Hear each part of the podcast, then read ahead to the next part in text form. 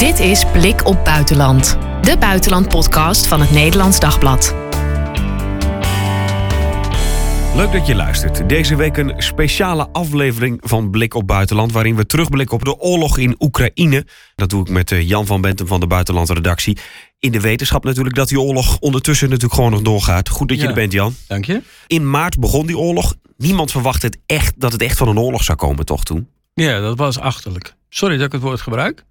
Maar in juli 2021 heeft Poetin een essay geschreven. Dat was zo hard over Oekraïne. Dat is geen land, dat is voormalig Russisch gebied. En over het Russische Rijk, wat er één moet worden. Dat schreef hij ook in zijn essay. Je kon op je klomp aanvoelen dat het oorlog zou worden. Maar zei die niet al Dat heel veel najaar- jaren, dat soort teksten? Ja, maar het werd steeds sterker. En dit was toch wel echt van... Dit, hierin voelde je, nu gaat het gebeuren. Dat najaar heeft hij ook al 100.000 troepen zo'n beetje aan de grens van Oekraïne gehad.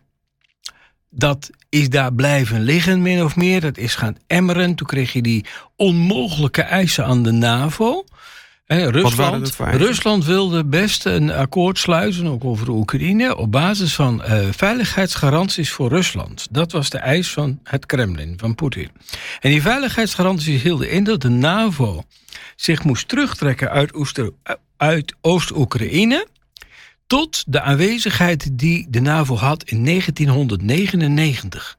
Dat was voor de grote uitbreiding van bijvoorbeeld 2004, toen bijvoorbeeld de Baltische Staten en dergelijke lid van de NAVO werden. Dus Rus, de NAVO moest dus terug uit alle voormalige Warschau-paktlanden. Dan denk je aan Polen, Roemenië, Hongarije, Slowakije, Bulgarije, Estland, Letland, Litouwen. Alles ten oosten van Duitsland.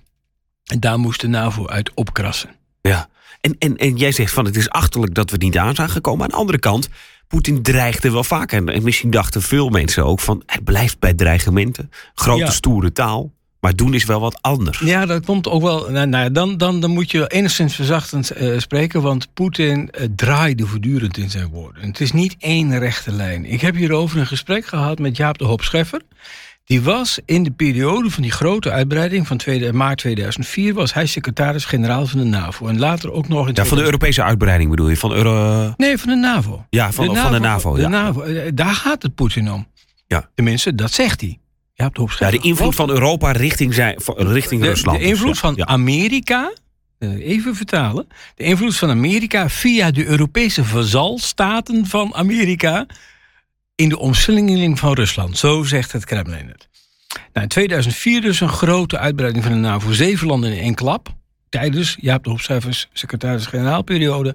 In 2009 nog weer Albanië en Kroatië erbij. Nog weer twee landen.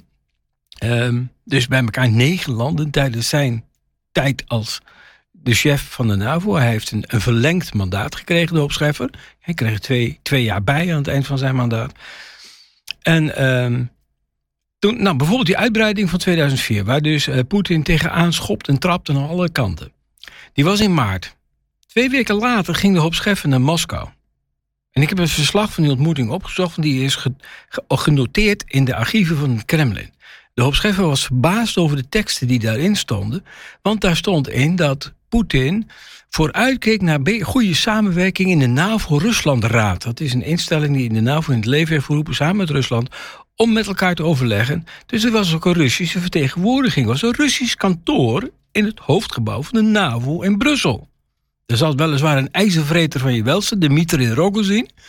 Maar er was een kantoor. Er werd regelmatig overlegd.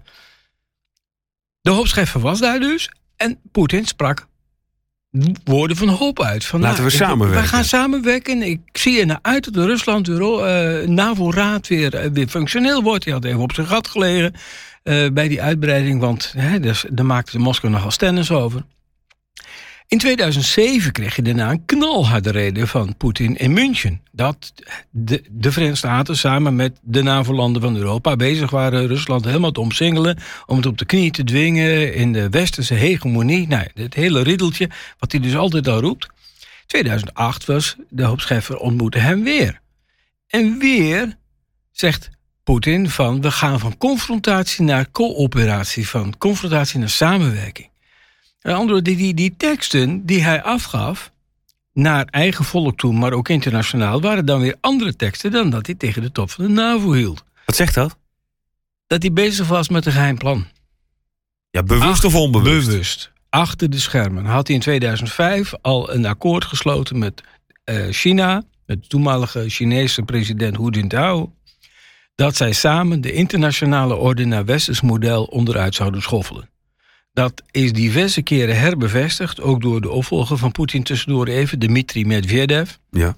En het is in afgelopen februari nog eens een keer bevestigd in de ontmoeting van Poetin met uh, de Chinese president Xi Jinping, vlak voor de Olympische Spelen begonnen in februari. Dus dat is een rechte lijn van 2005 naar nu. En toen zei China dit jaar, vlak voor de inval in Rusland in Oekraïne begon de Russische inval, zei Xi Jinping van jouw veiligheidseisen zijn gerechtvaardigd. En Poetin zei op zijn beurt: Rusland is de sterkste steunpilaar voor China in de kwestie Taiwan. Dat hoort aan China. Welke manier je er ook voor kiest. Ja, dus Wij zullen altijd achter je blijven staan. Ja, en dus, dus, dus eigenlijk zocht eh, eh, Poetin misschien nog wel eventjes die definitieve bevestiging. Ja. Wij steunen jullie, en jullie steunen ons. Ja, En daarna aanvallen. en daarna aanvallen. Hoe ging het ook alweer? Eh, Het begon, dat begon met. Nou, die troepen lagen daar dus een aantal maanden. En je had daar die, die eh rebellenrepublieken al, de Volksrepubliek Donetsk en de Volksrepubliek Lugansk. Die schreven een brief aan het Kremlin, of eigenlijk aan de Duma ook, van De Tweede Kamer van Rusland. wij willen? Ja. graag eh, onze onafhankelijkheid eh, uitroepen, eh steunt u ons. steunt u ons. Nou, de Duma zegt tegen Poetin, ja, daar moeten wij steunen. Ik bedoel, toneelspel. Ehm, waarop de republieken ze- zelfstandigheid uitriepen en Vladimir Poetin dat namens ook de Duma, er was toch niemand tegen, heeft hij dat meteen bevestigd. Twee dagen later lag er het verzoek om hen te helpen tegen de genocide door het Oekraïense leger. Ja, en de broedervolken moet je helpen. Dus kwam Rusland deze volksrepublieken te hulp. Maar ja, dan wel met een aanval richting Kiev eh, zelf. Eerst nog een speciale. Er was toch eerst nog een speciale operatie. tot de dag van vandaag een speciale militaire operatie om de genocide in Donetsk en Lugansk tot, eh, te- te- tot stilstand te brengen. Ja, zo heet het nog steeds. En Zo toch was het gevoel destijds misschien meer dat er zoiets. dat Rusland nog niet officieel in oorlog was dan dat dat nu is. Nu hebben we allemaal volgens mij het idee. eh, Rusland is daar actief bezig met militairen, et cetera, et cetera. Nou, vanaf de dag dat die enorme militaire kolonne richting Kiev ging, die er overigens nooit is gekomen, eh, was toch iedereen er wel overtuigd: dit is oorlog. maar daarvoor Alleen dachten we misschien Rusland- nog dat het vrijwilligers waren of zo. Of dat ze dat toevallig. Dat, dat was het verhaal. Ja, dat toch? was het verhaal. Ja, want daar ja. trapte gewoon helemaal niemand in. Dan, Nee. heb je, dan heb je ongeveer 100.000 vrijwilligers nodig. In totaal hadden ze er 130.000 man klaarstaan. Dat Ja, het verhaal was inderdaad. die waren daar al op training. Ja, ja, en die gingen dus even de grens over. Nou, nee. Maar goed, voorbereid was het ook niet. Dat hebben we ook gezien. Ja, Hè, want dus dat was het begin ook, hè? Met die konvooi dat. eh, Ongelooflijk veel materieel pech. Slechte banden die lek gingen in de, in de modder en in het ijs. Bleken ze goedkope Chinese banden te hebben gekocht van het geld dat er voor beschikbaar was. De rest ging in, eh, in de achterzak van corrupte militaire commandanten. Dus daar is ook wel wat afgerekend in Rusland hoor, in het leger. Er zijn heel wat generaals eh, van hun functie ontheven. Maar dat, dat offensief is dus helemaal spaak gelopen in het eh, noorden en het westen van Oekraïne. In het zuiden hebben ze eh, wel grotendeels Lugansk eh, veroverd. Ook een belangrijk deel van Donbass, maar niet helemaal. En delen van Zaporizhia en Gerson. Die twee hebben zich ook nog eens weer aangesloten bij Rusland. Dus heb je nu Donbass, eh, Donetsk, sorry, in de Donbass samen met Lugansk. En dan heb je Zaporizhia en Gerson. Dat zijn dan nu officiële delen van de Russische Federatie. Dus als Rusland dat verdedigt, als het Kremlin dat verdedigt, verdedigt het Russisch grondgebied. En dan staat in de Russische militaire doctrine dat dat met alle middelen mag gebeuren. Ik wil nog even terug naar, nou niet per se naar maart, in het begin van die oorlog. Wat, eh, maar- Februari.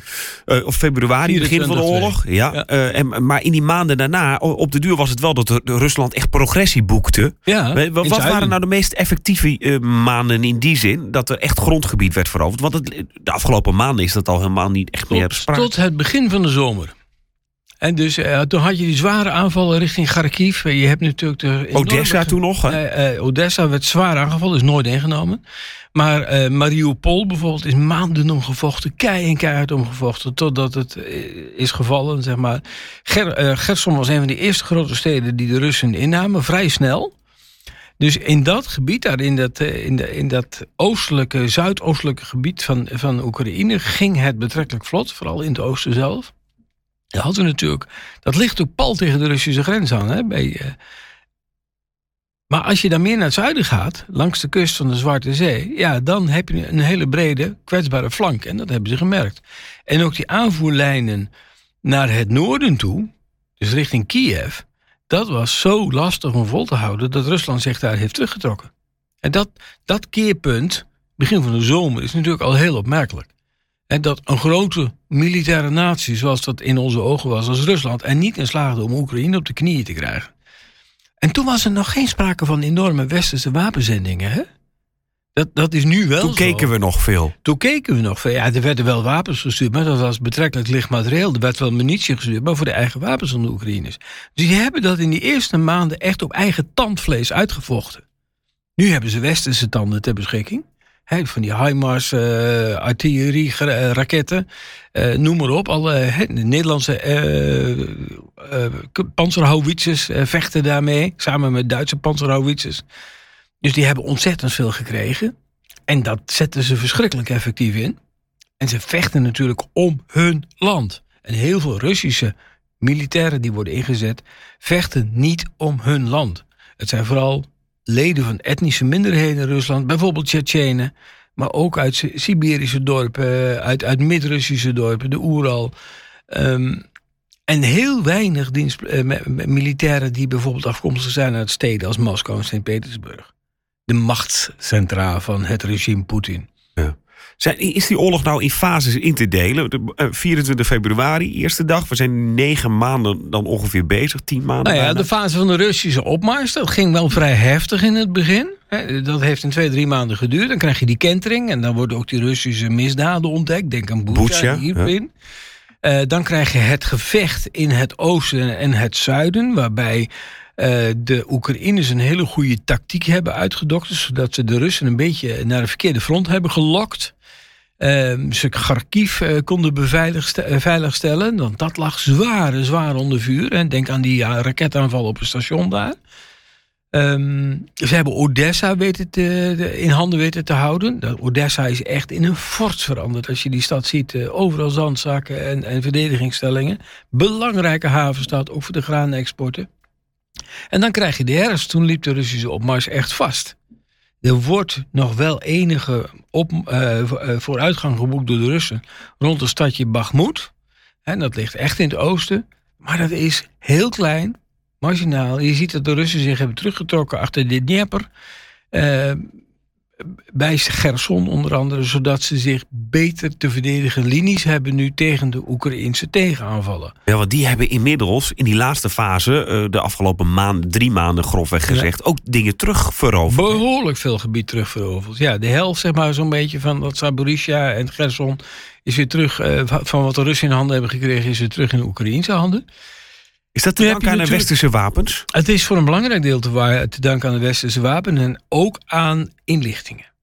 Want je moet niet alleen uh, de kanonnen hebben om mee te kunnen schieten, je moet ook precies weten waar de graten moeten neerkomen. En daar hebben bijvoorbeeld westerse inlichtingendiensten, militaire inlichtingendiensten, de Amerikanen, de Britten uh, met name, hebben de Oekraïners van data voorzien.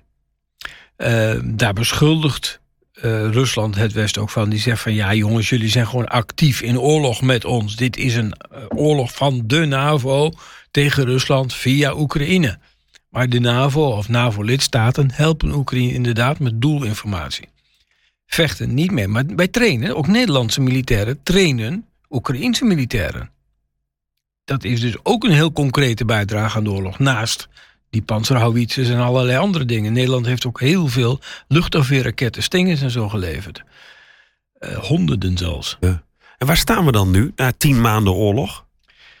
In een verbijsterende uitputtingsslag waarbij het militaire offensief, en dat is die derde fase, van een militair offensief omgeslagen is in uh, aanvallen op burgerdoelen. En dat zie je sinds oktober met name is Rusland daarmee bezig. Uh, de helft van de elektriciteitsvoorziening in Oekraïne is beschadigd of ligt plat. En dan heb je het klaar en dan volgt er weer een Russische aanval en is het weer kapot. En iedere keer dat iets kapot wordt geschoten, wordt het weer lastiger om het te repareren. Dus dat, die fase zitten ze nu in. En dat is ook opzet, want je gaat die bittere, harde, koude winter in. in het oosten van Europa heb je een landklimaat met koude, harde winters. Maar is het het opzet of is het ook een teken van zwakte op een bepaalde manier dat ze niet. Uh, ja, dat, ze, dat ze het op een andere manier niet meer kunnen realiseren? Ja en ja. Het is opzet. Want dat heb je ook in andere uh, oorlogen gezien die Rusland heeft gevoerd. Ja, dat wordt heel bewust in, gedaan. In Syrië zag je dat. Denk aan Aleppo en dat soort steden die in puin zijn gelegd. Uh, ze hebben het in Tsjetsjenië gedaan aan het eind van de jaren negentig, toen Poetin premier werd. Uh, de Tsjetsjeense oorlog heeft hij ook met ijzeren hand een eind aan gemaakt. Dus dit is, een, dit is een, A, een militaire tactiek die vaak is toegepast. En B, het is ook echt ja, uh, dat Oekraïnse leger buigt niet. Militair dus wil ik militair niet. niet. Dus we gaan op deze tactiek over. Is dat ook wat we de, ja, in 2023, als we dan even vooruit kijken, wat we dan gaan zien? Eh, wordt dat gewoon een oorlogsjaar? De Oekraïense militaire staf, zeg maar de generale staf van het Oekraïense leger, zegt al eh, een paar weken lang van de Russen bereiden zich voor op een heel groot offensief in de vroege lente van 2023. Maart, uh, april.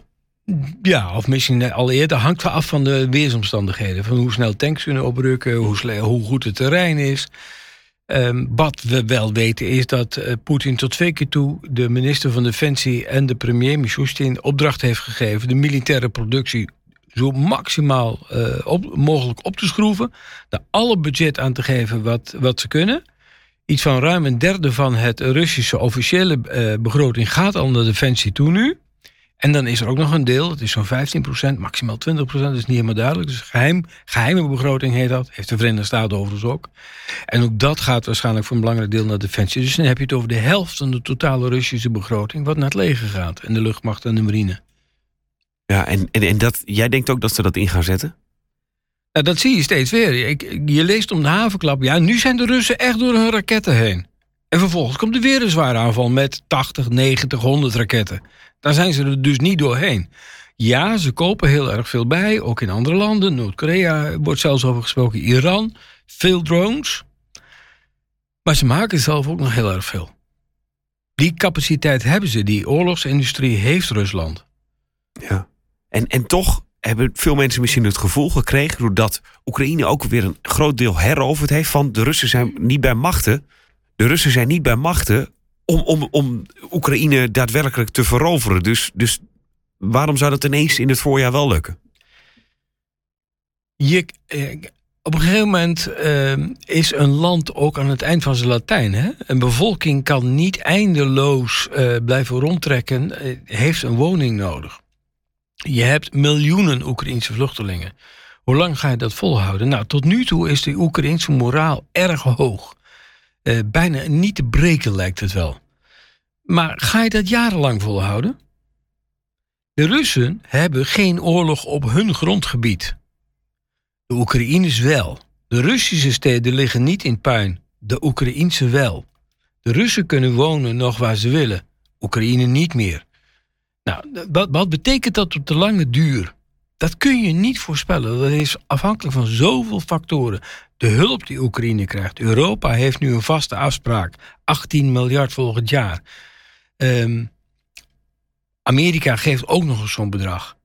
Maar de Europese militaire middelen zijn zo goed als uitgeput. De, over, de granaten die we over hadden, de panzerhouwitsers die we over hadden of konden missen, die zijn al in Oekraïne.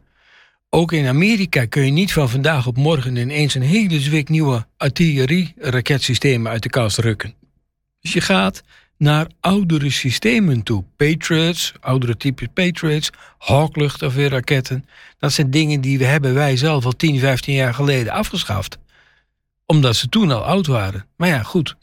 Ook Rusland gebruikt systemen die ook niet bepaald modern zijn. Dus daartegen doen ze het waarschijnlijk nog wel erg goed. Ja. Nou zeg jij van het is niet op Russisch grondgebied. En dus lijden de Oekraïners natuurlijk logischerwijs meer dan de, de Russen zelf. Maar aan de andere kant, ze hebben wel te maken met heel veel sancties. Uh, al het geld gaat naar defensie toe, waardoor de burgers misschien in Rusland. Hoe is het daarmee? Nou, dan kom ik terug op dat uh, gesprek met Jaap de Hoop Scheffer. Uh, die heeft natuurlijk Poetin al meegemaakt vanaf 2004. Hij heeft die oorlog in Georgië meegemaakt, die Poetin toen begon in augustus 2008. En hij heeft gekeken naar wat Poetin sindsdien deed. De Hoop is ook nog voorzitter geweest van de Adviesraad Internationale Vraagstukken tot juli dit jaar. En zij, hij vertelde mij. Je, Poetin is bezeten, die heeft een obsessie. En die obsessie gaat terug op zijn ervaringen als jong KGB-officier in Dresden. Daar was hij in 1989. Toen viel de muur. Wat moest Poetin doen? Hij moest de documenten verbranden in het kantoor. Alles waar Poetin in geloofde, alles waar hij voor was opgeleid, alles waar hij voor had gewerkt, zei de Hopscheffer, verkruimelde. Eigenlijk verkruimelde letterlijk daar in, die, in, bij die muur. In, dat vuur, zeg maar. Ja, ja.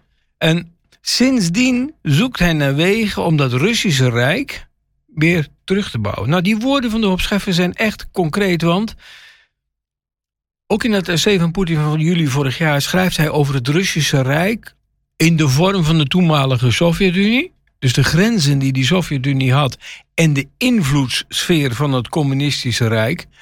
Dat zijn volgens hem de grenzen van Rusland en de invloedssfeer van Rusland. Dus Polen, Hongarije en Roemenië, dat soort landen. En zeker die Baltische staten horen onder het dictaat van Moskou. En dan maakt het niet uit hoe het met de burgers in Rusland zelf is. Nee, dat is een prijs die je dan tussendoor moet betalen. Dat wordt in Rusland ook zo verkocht aan de burgers. Wij, Russen, zijn een volk dat kan lijden. Dat kunnen de Europeanen niet. Dus die Europeanen zullen vroeger of later door de knieën gaan. Maar willen de Russen ook lijden? De gewone Rus, zeg maar. Er zijn er al heel wat gevlucht. Zeker zij die bang waren dat ze in militaire dienst zouden moeten. Er zijn veel intelligentsia gevlucht. Goed opgeleide Russen zijn weg. De dissidenten. Um, Maar het gekke is, er zijn uh, vrij recente opiniepeilingen. Uh, die zijn geheim gehouden door het Kremlin. Omdat de weerstand tegen de oorlog uh, leek toe te nemen. In die zin dat ze zeiden van. De aanval op Oekraïne was onterecht. Dat vindt inmiddels een meerderheid van de Russen. Maar het gekke is dat tegelijkertijd een toenemend aantal Russen, en dus een nog grotere meerderheid, dan heb je over ruim twee derde, zegt van. Maar we moeten de oorlog nu niet stoppen.